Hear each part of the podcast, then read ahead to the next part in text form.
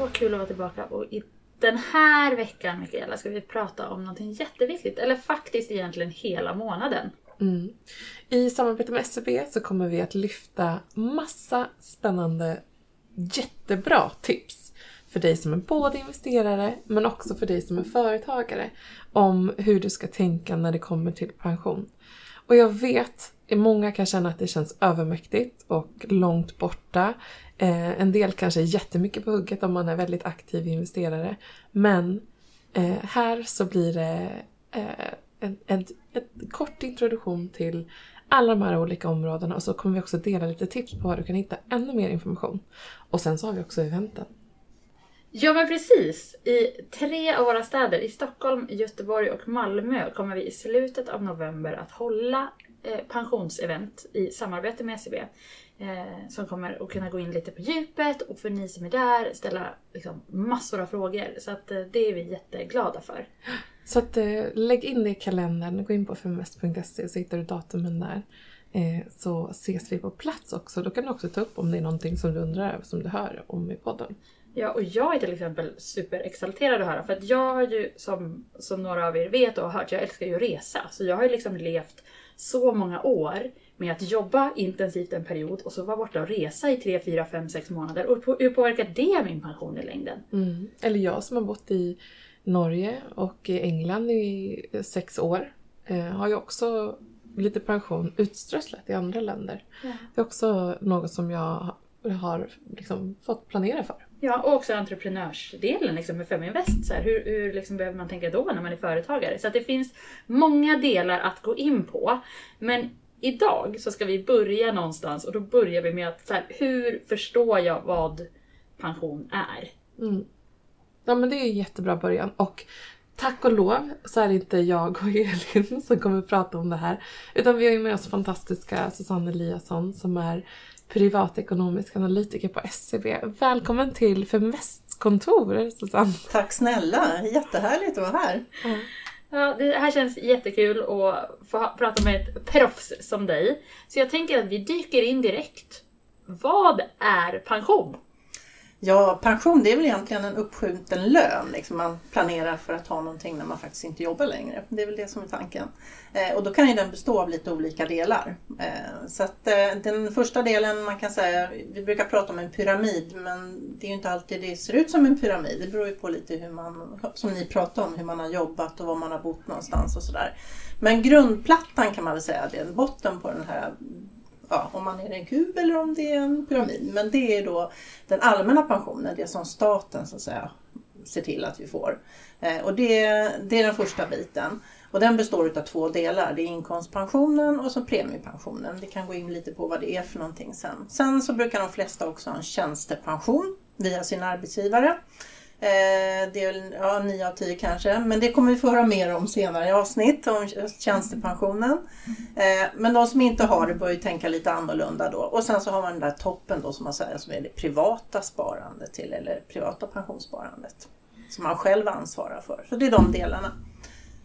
Men ska vi dyka in i den allmänna pensionen då och prata om den? Du sa att den också består av, av två delar. Vilka är de här två delarna? Ja, det sätts ju av då man pratar om pensionsrätter eller avsättningar då, den är 18,5 procent. Och den största delen, 16 procent, det går till den här inkomstpensionen. Och det kan man säga, det är ett fiktivt konto som man har på Pensionsmyndigheten. Det, är liksom, det, det står bara ett tal där, så här mycket pensionsrätter har du.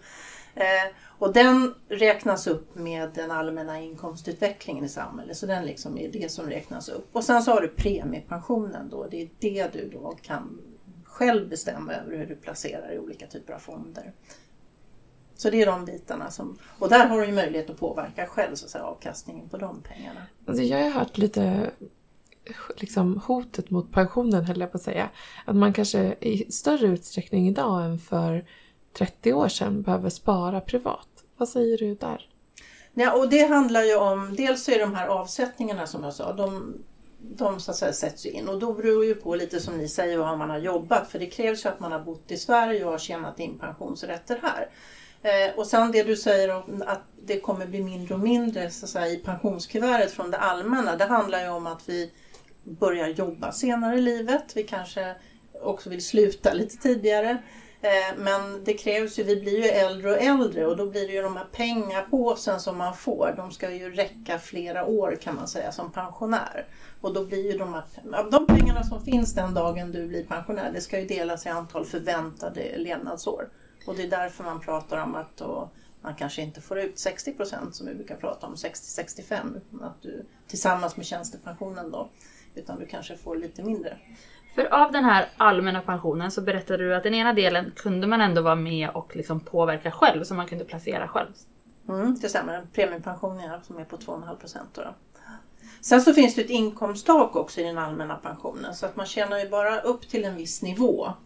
Eh, därutöver så har man ju ingen avsättning till den allmänna pensionen. Det är därför tjänstepensionen då som ni kommer få höra om senare då är mycket viktigare då så att säga. För den får man avsättningar både så att säga, upp till ett inkomsttak och sen får man över det där man inte då har några avsättningar till den allmänna pensionen.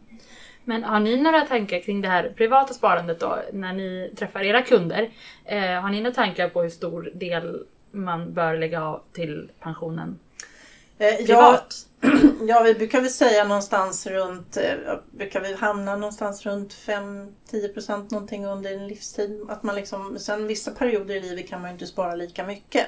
Men de flesta säger att de vill ha ungefär 80 procent av sin slutlön den dagen de ja, har, tänker bli pensionärer.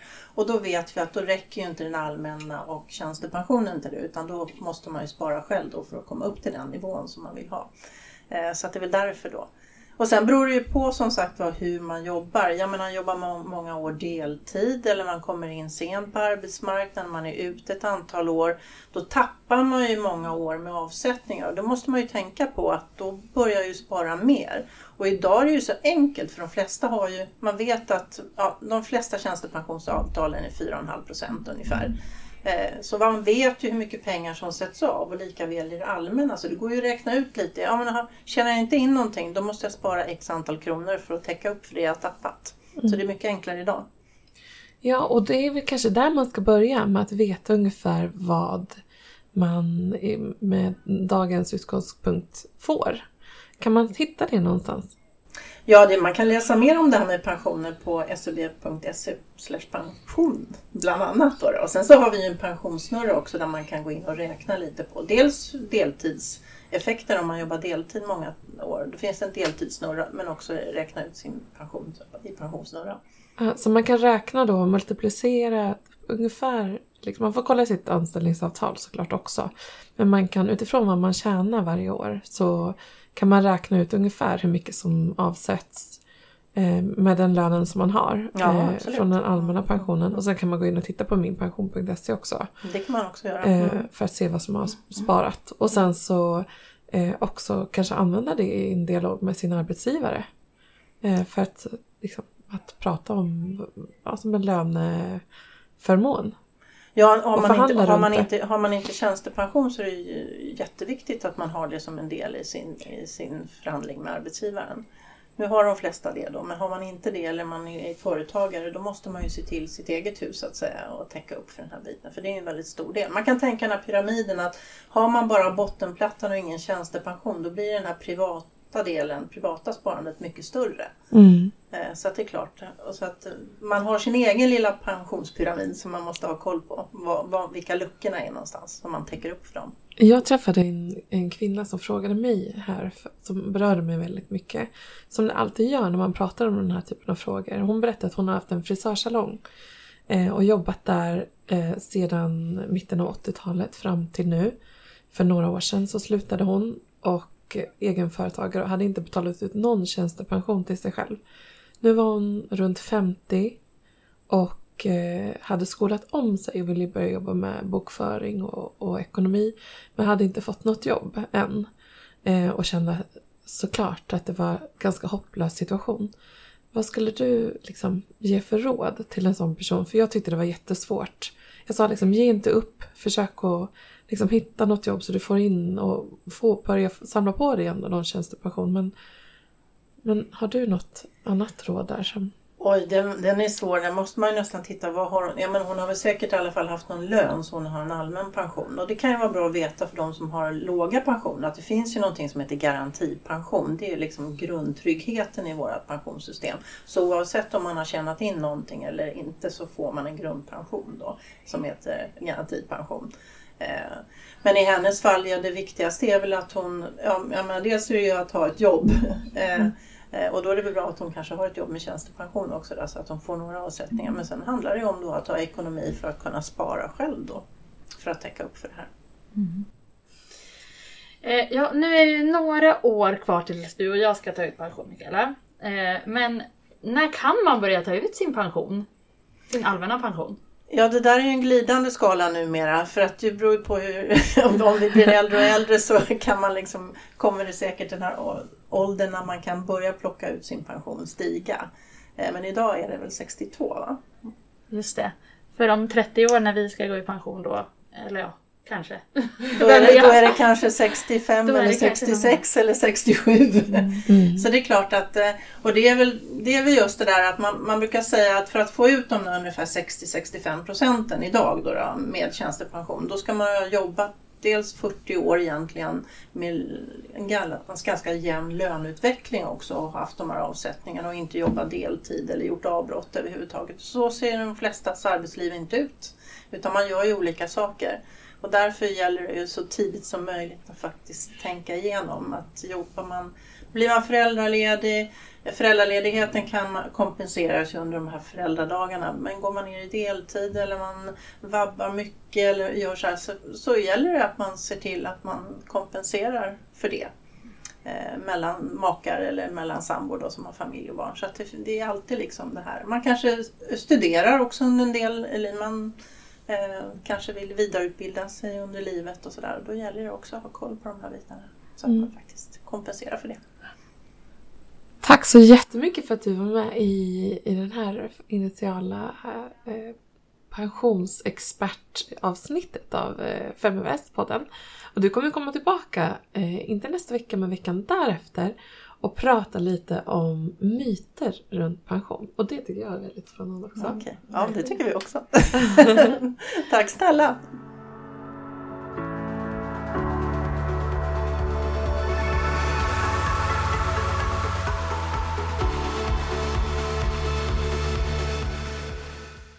Och i dagens podd så har vi besök av två jättehärliga tjejer. Det är Claudia och Ulrika och de har startat en app som heter Go Friendly.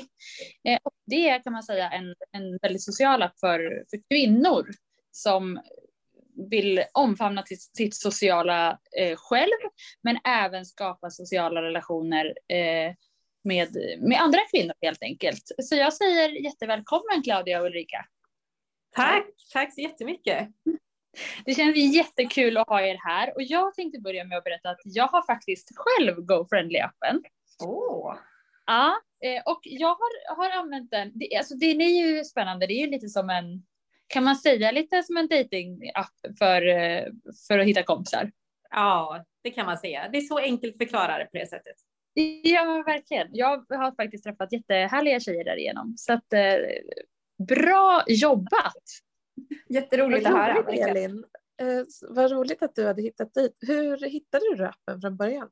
Det är en jättebra fråga. Det här är ju några år sedan. Eh, för vad jag vet eh, tjejer som startade ner den här appen för ganska länge sedan. Ja, det är, nu ska vi, säga, vi släppte första versionen av GoFriendly redan 2016 för, eh, för de som hade mm, iPhones på den tiden. Så vi har, eh, ja, vi har mm. hållit på ett, ett, tag. Ja, då kanske jag var en av de första eh, dejtarna. Ja, de viktiga medlemmarna får in. Men alltså jag blir så nyfiken. Vad gjorde ni innan ni började på GoFriendly, eller innan ni startade? Ni började ju inte, ni startade ju. Vi startade det och hade faktiskt inte gjort något liknande överhuvudtaget mm. förut innan vi gjorde det här. Eh, jag kom från eh, resebranschen, eventbranschen och hade jobbat med marknadsföring och projektledning och försäljning. Och, och jag hade en väldigt varierad bakgrund. Jag har jobbat inom retail, Eh, jag eh, jobbade som polis i Stockholm city under sex år. Jag har jobbat som både PT, personlig tränare och föreläsare, så väldigt varierat. Mm. Ingenting inom tech överhuvudtaget. Men vad härligt att du också framförallt då så här, vågar slänga dig ut. Jag är också en sån person som har gjort tusen olika saker och jag tror att det kan vara ganska eh, nyttigt. Ja, absolut. Men hur fick ni idén till Go Friendly då, från första början? Men det kom egentligen utifrån våra egna behov. Alltså vi mm. båda är ju entreprenörssjälar eh, i grund och botten och eh, ville träffa likasinnade, andra kvinnor som gillade entreprenörskap. Eh, och vi träffades i en Facebookgrupp som, den finns inte längre tror jag, mm. Eh, när jag hade skrivit en annons om att jag ville träffa andra och gå på event med. Och eh, då svarade Ulrika på den. Mm. Och då träffades vi. Ja, och har jobbat ihop sen dess. Sen dess kan man säga. Ja. ja, vi pratade om att det är svårt att träffa vänner när man är vuxen. Hur gör man? Det finns ingen bra lösning. Och då valde vi där och då att uh, bygga det själva helt enkelt. Ja, men det är faktiskt sant. Det är svårt. Alltså man kan ju träffa folk via jobbet, men det är ju sällan, mm. liksom, antingen via jobbet eller genom vänners vänner. Men om man till exempel skulle flytta och vara ny till en stad tar det ju lång tid innan man liksom blir vän med sina kollegor. Så att ja. man vågar fråga ut dem på en kaffe, eller på att säga. Ja. Eh, och eh, kan ta tid att få vänner också. Mm. Ja, det men känns jag, nödigt. Ja, men jag, är, jag är nyfiken. Eh, ni har ju en verksamhet som riktar sig mot ett kön, precis som vi har faktiskt. Mm. Och vi får ju den frågan ofta. Eh, varför bara kvinnor? Så jag mm. måste skicka vidare den ja. ja. ja, men eh, för vår del så var det mycket att vi inte ville bygga en datingplattform, eller vi kände snarare själva att vi skulle aldrig använda en datingplattform för att hitta vänner i. Och då kände vi att ja, men jag, vi hade en hypotes om att om man blandar könen så kommer det bli en datingapp och därför valde vi att vända oss bara mot kvinnor. Eh, och det är ju när man tänker på det ändå en ganska stor målgrupp. Det är ju halva jordens befolkning så att vi känner att vi har att, att jobba med eh, ändå. Eh, och sen så är det ju också en bra PR-vinkel för vår del. Att det faktiskt mm. är någonting som särskiljer vår app mot andra sociala plattformar. Mm. Men behovet är ju, vi, vi har märkt att det är en av de viktigaste orsakerna till att vi får medlemmar till GoFriendly, det är att det bara mm. är för kvinnor. Så i dagens klimat så känns, upplever man att det är en, en trygg, säker plattform där vi kan vara oss själva och vi kvinnor som hänger där helt mm. enkelt. Ja, och det som jag tycker är bra är ju att man kan ju också hitta personer som har liknande intressen. För nu råkar jag ju ha vän på mitt jobb med liknande intressen. Mm. Men, men, men jag menar, har man andra intressen och man kanske jobbar med något annat som inte är ett intresse så är ju det också en, ett bra sätt att använda den här plattformen och, mm. och, och event på de teman som man gillar. Ja, men verkligen. Och det, det var ju verkligen så. Vi, vi ville bygga en plattform där alla oavsett ålder och intressen och var man befann sig i livet skulle kunna hitta likasinnande. Så att mm. vi går inte in och styr någonting egentligen, utan eh, vad man än är intresserad av ska man kunna hitta. Vi bara ser till att slussa in eh, medlemmarna så att det finns ett underlag för alla personligheter och alla, alla, alla former av vad man nu vill göra. Ja.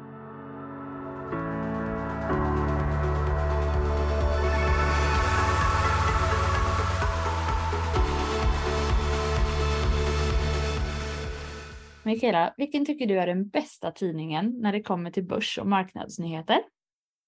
Ja, men det finns så många bra tidningar internationellt, men i Sverige så måste jag ändå säga att den som sticker ut är ju Dagens Industri. Och det är många anledningar till det. Dels är det spännande nyheter. Jag gillar kombinationen av rörligt, att de har en eh, studio, men sen också att de följer och rapporterar om liksom, aktuella händelser hela tiden. Sen är jag också ganska intresserad av många olika typer av nyheter. Utdelningar, X-dagen för veckan som kommer exempelvis, eller vilka rapporter som är aktuella och få det på ett överskådligt sätt. Eh, och sen så är, det ju, är jag ju nyfiken på typ råvaror och andra typer av eh, index och så som man också vill hitta i kombination med de här nyheterna. Så jag gillar, jag gillar det Ja, och det finns ju som du säger, det finns ju ett väldigt brett utbud som man kan hitta på, på DI och eh, DI digitalt. Um, och det jag också tycker är att de är så snabba ut med, med nyheter som är relaterade till börsen och bolagshändelser. Och det är både i Sverige och internationellt. Och det är jättebra för dem som vill vara med och, och se vad som händer i deras aktieinnehav. Och liksom, det kan ju hända att man vill göra lite snabba justeringar ibland och då är det ju toppen med de här snabba nyheterna. Ja, och speciellt i dessa tider när det är mycket som slår mot våra plånböcker som privatpersoner. Jag menar det är energipriser, det är skenande matpriser, stigande räntor, inflation. Ja, men ni, ni känner igen det här från nyheterna som dyker upp var och varannan dag. Och då är det så viktigt att faktiskt få veta och få en koll på vad är som påverkar mina investeringar och vad påverkar min ekonomi just nu.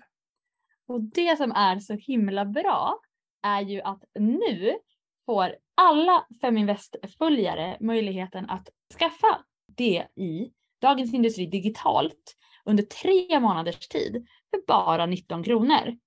Och det som är ännu bättre sen, det är ju att efter de här tre månaderna, då får man prenumerera på, på DI med 50% rabatt under 12 månader. Ja, men det är så bra. Eh, och det är massa tips och råd och analyser av både egna experter men också inbjudna experter. Och man skulle kunna sammanfatta det som att allt det här ingår. Obegränsad tillgång till d.se, de senaste ekonominyheterna, e-tidningen alla dagar. Det är ju Weekend digitalt. Så härligt att läsa på lördagmorgonen. Bästa jag vet. Och sen börstips on the go.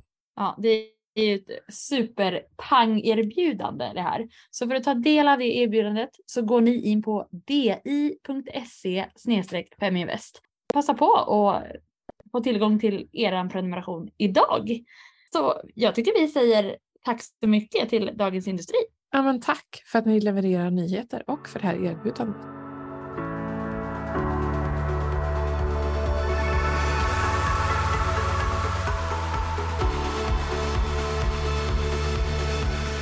Och jag märker så här, ni har ju jättefantastisk energi som smittar av sig och jag tänker att ni tycker att det är ganska eh, roligt att driva bolag. Och vad är det roligaste tycker ni? Uh, ja, men det roligaste är egentligen att, att få börja med en liten idé som är vår egna idé och se det växa och bli stort. Se att uh, 180 000 tjejer använder det här, se potentialen i att det kan bli stort ute i eh, stora vida världen, eh, få bygga team, att, att andra vill jobba med vår vision och dröm. Ja, men det, det finns så många mm. saker som är väldigt fantastiska med att driva eget bolag. Mm. Finns ni i flera länder? Um, ja, vi finns primärt i Sverige såklart. Här är vi som allra störst, men vi har medlemmar i uh, Tyskland och i Storbritannien. I Norge. Och uh, till och med i Indien har vi användare. Så att uh, det börjar hända saker i andra delar av världen också, vilket är spännande. Ja, vad roligt. Ja, men jag kan tänka mig, det har varit en, en eh, händelserik period från 2016 fram till nu. Mm. Eh, vad har varit liksom, utmaningar på resan, tycker ni? Så ni bara, men det här var, mm. verkligen, det här var verkligen jobbigt. Ja, men alltså, det som ligger mest i närtid är ju, närtid är ju pandemin vi är ju en social plattform där syftet är att man faktiskt ska träffas fysiskt och, och umgås och träffa nya vänner. Så det var ju, när pandemin kom tänkte vi att nej, men vi kommer inte överleva det här. Hur ska, hur ska vi eh, komma igenom den här tiden med GoFriendly? Men, mm. men vi gjorde det ändå. Eh, vi kom ut starkare på andra sidan tror jag. Men det var ju en jätte eh, utmaning i början när vi mm. inte visste hur, hur vi ska göra. Ska vi pivotera? Ska vi ändra inriktning eller mm. Uh, mm. Och sen så brukar man ju prata om företagsbyggande som ett maratonlopp mm. och det, det stämmer. Det är inte en, en snabb resa utan man, man kämpar väldigt hårt väldigt länge uh, och uh, måste hela tiden ha förmågan att ladda om och skaka fram ny energi ur olika faser. Det kan vara att det, även om det är roligt och går bra så är det någonting som händer och så måste man ge lite till och ge mm. lite till och ge lite till. Och det är väl det som är, tror jag, tuffast. Man, man kommer sällan in i faser där man får vila i vad man, vad man vila på jobbet kanske man inte gör, men generellt. Men, men det, det, man behöver alltid driva på och det är Mm. tufft. Ni sa ju att ni släppt er första version av appen 2016. Så nu har det ju Mm. gått ett gäng år sedan dess. Mm. Finns det någonting som ni skulle ha gjort annorlunda om ni startade bolaget idag? Oj, ja, massor säkert Mm. på olika, olika sätt. Men det, är- det är alltid lätt att vara efterklok och tänka att om vi bara hade gjort sådär eller sådär eller sådär. Men resan är ju en, en, en är ju på något vis vad den är utifrån de förutsättningar man har och den kunskap man har. Alltså det går ju inte, det är svårt att säga om framtiden. Skulle Mm. man starta ett bolag igen nu som liksom andra, tredje, fjärde gångs entreprenörer så kanske man skulle välja olika. Eh, Då hade man också haft andra förutsättningar. då hade man haft andra Mm. förutsättningar, andra nätverk, andra liksom, eh, trådar att kunna dra i. Jag menar, när vi startade, som sagt, vi kom från helt andra världar. Vi hade inte kapital, kunst, eller access till eh, investerare i Stockholm eller till techvärlden. Eller så. Vi har ju varit tvungna att bygga allting från början. Eh, och ehm, ja, så skulle man göra om saker, jag vet inte. Eh, Nej, jag, eh, vet, så vi brukar få den frågan och, eh, rätt ofta. Men det, det är kanske att ha med en techperson mm. eh, från start eftersom vi båda inte hade någon kunskap inom tech.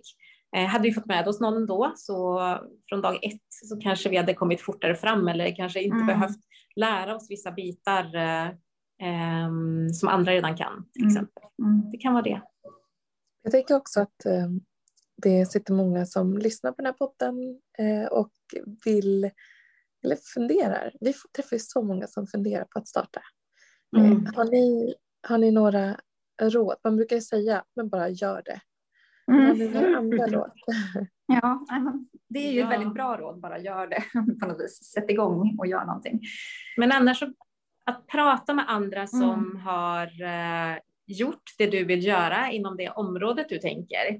Eh, någon som är ja, ett, två år framför, för det är ändå de som har, man får mest ut av, av det. Bjud dem på en lunch eller en kaffe och sätt er ner och prata och bara pick their brain. Man kan lära sig så otroligt mycket av andras resor. Mm. Mm. Precis. Mm. Har ni någonting som, som några liksom, misstag eller liksom, utmaningar som, som ni vill berätta om som, som kan bli lärdomar för de som är i, i den fasen som ni är i nu?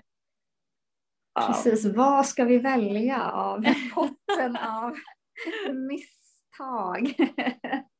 Men ehm, men sen så vi är ju all, vi, vi har ju levt på riskkapital eh, och den processen tar väldigt mycket längre tid än vad man tror.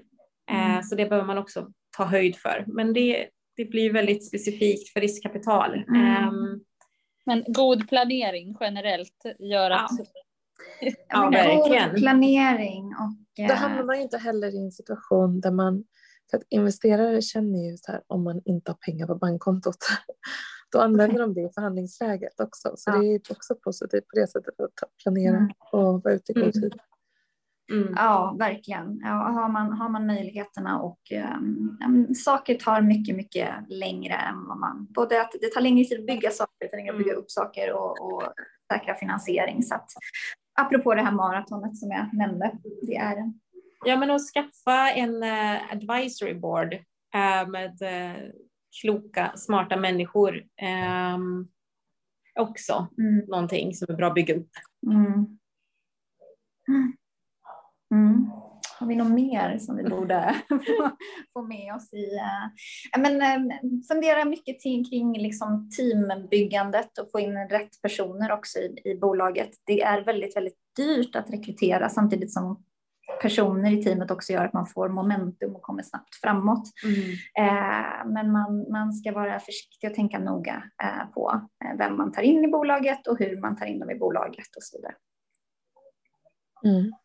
Men man skulle också kunna, vi skulle kunna spinna vidare på den frågan och eh, Mm. liksom, eh, ja, men lärdomar som ni vill dela med er av. För det hänger lite ihop med tips och råd.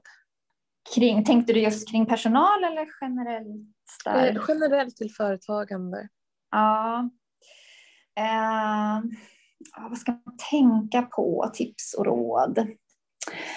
Um, mm, mm, mm. Mm. Så vi funderar lite. Ja, vi, kan, vi kan gå vidare så länge så kan vi komma tillbaka till den frågan. Mm. Jag, har, jag, jag tycker det är så här spännande för att man har ju ingen kontroll på vilka som träffar varandra i appen. Vad är det konstigaste som har hänt som ni har, kom, som har, ni har fått ta del av? Eh, men konstiga saker är väl att det kan, det kan dyka upp så det är roliga aktiviteter som, som är otippade som man inte hade, hade tänkt på själv. Kanske arrangerat själv. Vi har ju vår favorit, vi har ju vår favoritaktivitet som är Sigge Spånga. Den brukar vi prata om. Det var några som ville träffas för att ta en cigg, ja, cigg i Spånga. Men det var ändå 18 personer som ville gå på den aktiviteten, så att det var populär. Så att, eh, Mm. Absolut. Eh, nej, men Man letar gemensamma nämnare. Ja, men sen så kan det vara mer så här otippade vänskaper som man ser. Eh, Mm. Du vet när vi har haft eh, några, något event och så kommer det fram ett par som man, eller liksom ett eh, kompispar som man tittar på. Dem. Fysiskt sett så ser de helt olika ut. Man hade aldrig gissat att de skulle hittat varandra. Mm. Eh, och, men, men på något vis så har de fått kontakt i appen och bara liksom connectat.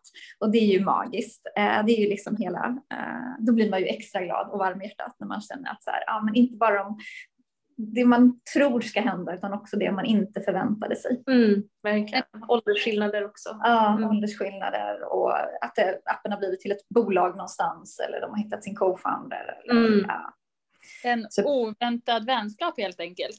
En oväntad vänskap, ja. Precis. Det var ett litet filmtips också här mitt i allt. Ja, just det. Exakt. Eh, det pratas ju mycket femtech nu, överallt, Mm ingenstans. Eh, och vad tror ni är den största anledningen till att, att eh, Femtex växer och att det är så himla populärt? Ja, men jag tror det beror på att fler kvinnor har tagit steget in i techindustrin, eh, techvärlden. Eh, den är ju fortfarande väldigt mansdominerad tyvärr, men eh, det börjar ske ett skifte.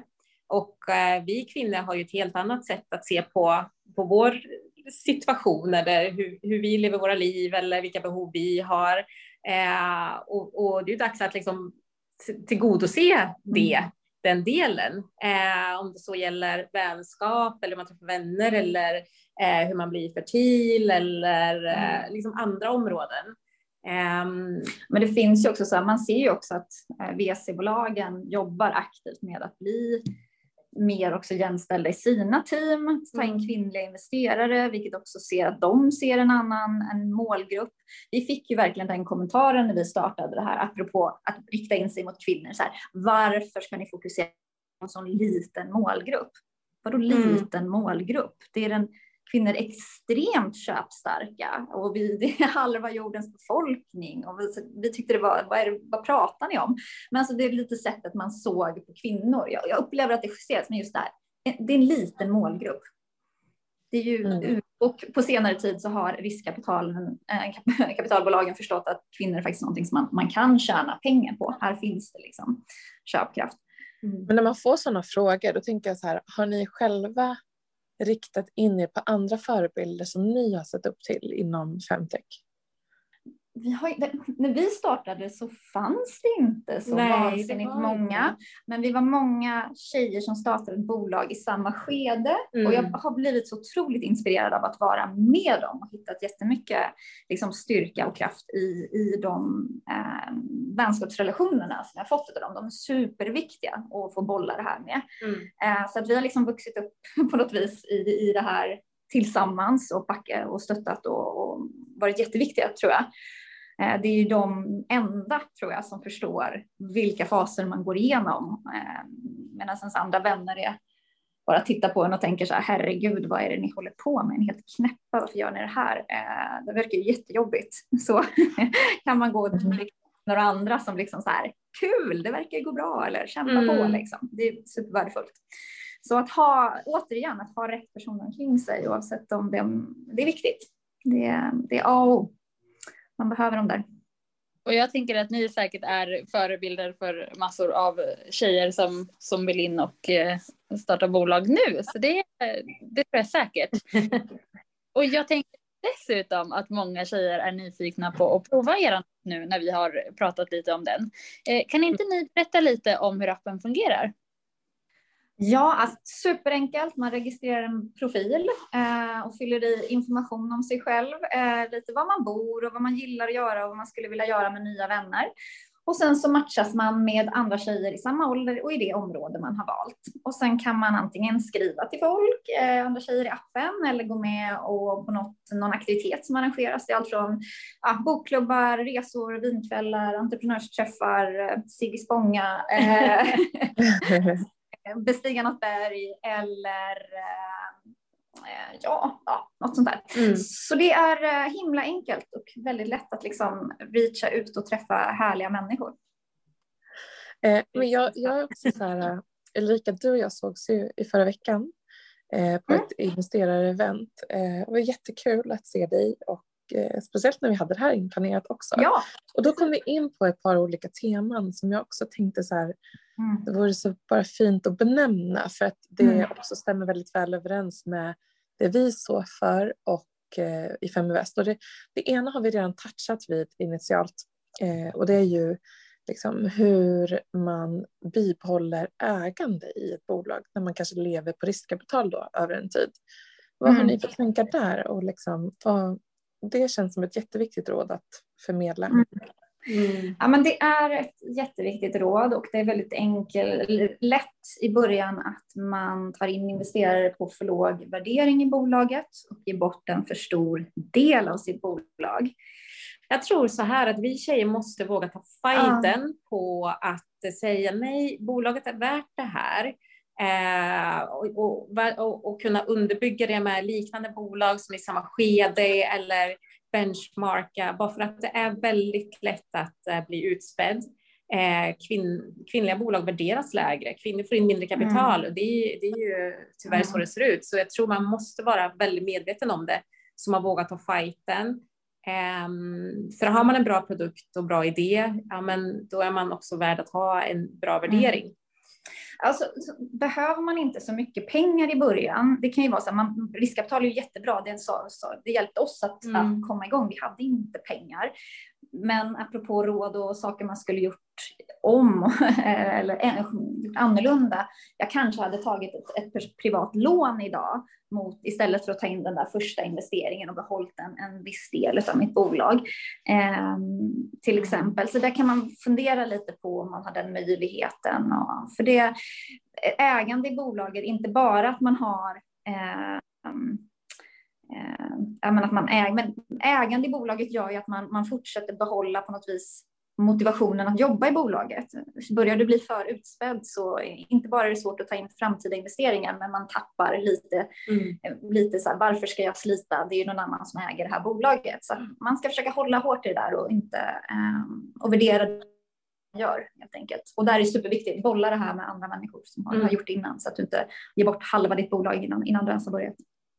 Sen så tänker jag också på en annan sak som vi kom in på, på när vi pratade vid. Mm. För att när jag jag eh, liksom skulle kommunicera min styrelse i våras så eh, ställde vi oss på en, en trappa eh, med några av de liksom, advisory board och delägare som gick in. Det var innan Elin hade liksom börjat jobba med Feminvest.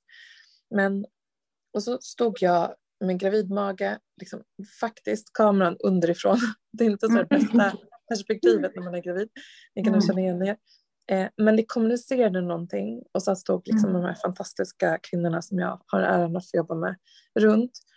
Och jag kommer ihåg att det här var ett, det var ett ganska här, gnagande resonemang i mitt huvud. Mm. Så här, ska jag ta den här rollen, att vara den som är liksom, med en unge på höften så kämpar jag på och liksom bygger bolag mm. och så vidare. För det är inte allt. Det är inte allt av vad att bygga bolag och karriär är. Liksom. Eh, och jag vet att, jag vet inte, Clara, har du också fått barn under tiden som du har jobbat med GoFriendly? Ja, precis. Jag var ju först ut med, med barn i bolaget. Eh, så samma månad som vi startade GoFriendly så födde jag ju min son i princip. Han föddes ju på startup-golvet. så han var ju med mig i första åtta månaderna på kontoret varje dag. Eh, vilket en utmaning såklart att bolla det plus ett barn hemma och så vidare. Mm. Men hur tänker ni runt det här, det här temat liksom? Ja, men för, mig, för mig var det så självklart att, att jag så, vi hade den här idén och ville köra på den och då ville jag inte att bara för att jag nu har fått ett barn eller är gravid, då vill jag inte pausa det.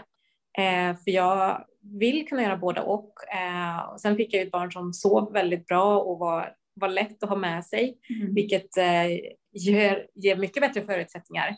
Så nej, men jag, jag har alltid känt att nej, men barn ska kunna komma ändå, fast jag följer min dröm. Mm. Men sen har ju vi alltid, vi har varit på event och känt att det har varit något event när så här, någon kille kommer upp och typ har sitt barn på pitchar och, och folk tittar på honom som att han är så här, han är jättecool. Han är härlig mm. kille som tar ansvar. Medan där har vi sett att det har aldrig varit vår möjlighet att vi har inte haft de marginalerna och riktigt. Nej, det där är ju så sjukt. här kommer en mamma istället, liksom, medan han blir den här coola killen som är lite ah. soft, som jobbar samtidigt som han håller på med tech. Eh, där är det inte, det är inte, jäm, det är inte jämställt där än. men vi sökte kontorsplats någon gång ja, och jag hade med mig Kaspar då eh, och de bara tittade på mig och bara nej. Och vi fick inte då hyra in oss där. Nej, det var, precis, det var på ett sånt här startup techställe. Ja. De ville inte ens titta på oss för att du kom med barnvagn. Ja. Ja, det var Men det där är eh, så, det är så konstigt, för, exakt, för det är mm. som man, man som kille då med barn blir någon, någon form av liksom, ja, men, hjälte och mm. premieras för det, men för oss ligger det i fatet i de samma situationerna. Och det vet vi ju, för det är många som vittnar om sådana kommentarer från investerare där man sagt liksom, ah, men hur tänker du nu om man har sett att någon är gravid och sådär. Men, men man ska absolut inte låta det stoppa en. Alltså, det finns möjligheter att resa kapital i den här stan som kvinna mm. med eller utan barn eller som gravid. Har man en bra idé med, med traction eller liksom tillräckligt underbyggd så det är bara att köra. Jag, jag upplever också investerarscenen som väldigt väldigt väl, som de vill plocka upp och lyfta upp kvinnor och investera. Det finns jättemycket så att eh, det är, man ska inte vara rädd för det, liksom, bara för att man tror att det är svårt. Det kan man, man kan inte fokusera på den biten, utan det är bara, det är bara att köra på. Liksom. Mm. Bra sagt och bra pepp. Eh, nu är jag lite nyfiken att veta vad ni har på gång inom närmsta tiden. Ja, vad har vi på gång? Nej, men vi börjar känna att vi har jobbat med den svenska marknaden ganska länge och mm. tittar nu på vad GoFriendly ska bli framöver och i vilka länder och hur, när, var och hur och så vidare. Så eh, det är ju nästa kliv på bolagsresan helt enkelt. Att, um, ja, men vi tittar ju på nya länder. Uh, UK är väldigt spännande. Mm. Uh, vi har gjort tester i Indien också, små tester. Indien är också en jättespännande marknad ur ett annat syfte mm. än uh, behovet som finns bara här i Sverige. Om man tänker på kvinnor, kvinnors roll i det samhället. Men ja, Sverige är för litet och vi har alltid velat bygga ett bolag som är ett globalt miljon, eh, miljoner medlemmar. Mm. Eh, så det, ja, det är verkligen nästa steg. Nu vill du ta stora klivet ut. Ja, ja men, det, känns, men det, det, är så bra. Sverige är så bra marknad för man kan den är lagom stor. Den är tillräckligt stor, mm. men den är också lagom stor för att liksom eh, trycktesta ja, eh, och finslipa ett erbjudande innan man, mm. eller en produkt eller tjänst eller ja. så. Ja, alltså jag fattar hur ni tänker och lycka till på den resan. Ja, tack så mycket. Tack. Men vi hörs ju som vanligt nästa tisdag. Tack snälla Claudia och Ulrika för att ni ville komma till podden idag. Tack snälla. Tack snälla. Vi hejar på er. Och eh, liksom ser fram emot att följa er ut i, i världen också. Mm. Det är fantastiskt att man kan, liksom, men jag tänker bara om man är ute och reser på en affärsresa eller någonting, kommer till en ny stad så har man alltid möjlighet att hitta någon att ta en kaffe med eller så. Exakt. Det mm. är, eh, ja. Så det kommer bli i framtiden. Så kommer det bli, ja. Och så är det. Ja. Verkligen. Får boka upp många spännande eh, kompisdejter här framåt. Sigge Spånga bland annat. ja, precis ja, men in och följ oss på eh, våra sociala medier som vanligt, Feminvester, bara att söka på. Och eh, vi har ju en, eh, träff fysiskt varje månad genom Feminvest som ni kan mejla intresse till genom info.feminvest.se för att hitta den träffen som är närmast dig. Vi planerar just nu för att dra igång i Luleå, Uppsala, har vi en, ett event, eh, har haft ett första event och också i Karlstad. Så det är några nya orter där ni kan eh, följa med på investeringsutbildningar av olika slag. Vi har en väldigt välfylld eh, eventkalender nu, både digitalt och fysiskt, så det måste ni eh, slänga ett öga på. Vi hörs, ha det bra. Hej då!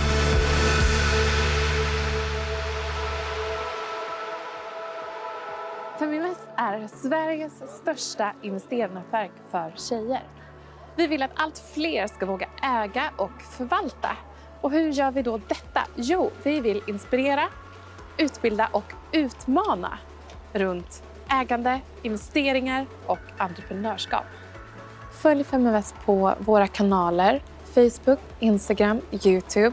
Varje vecka så kommer vi även ut med en podd och du kan ju självklart även följa nyheterna som publiceras på feminvest.nu. Det är bara att söka på Feminvest på samtliga kanaler så hittar du till oss.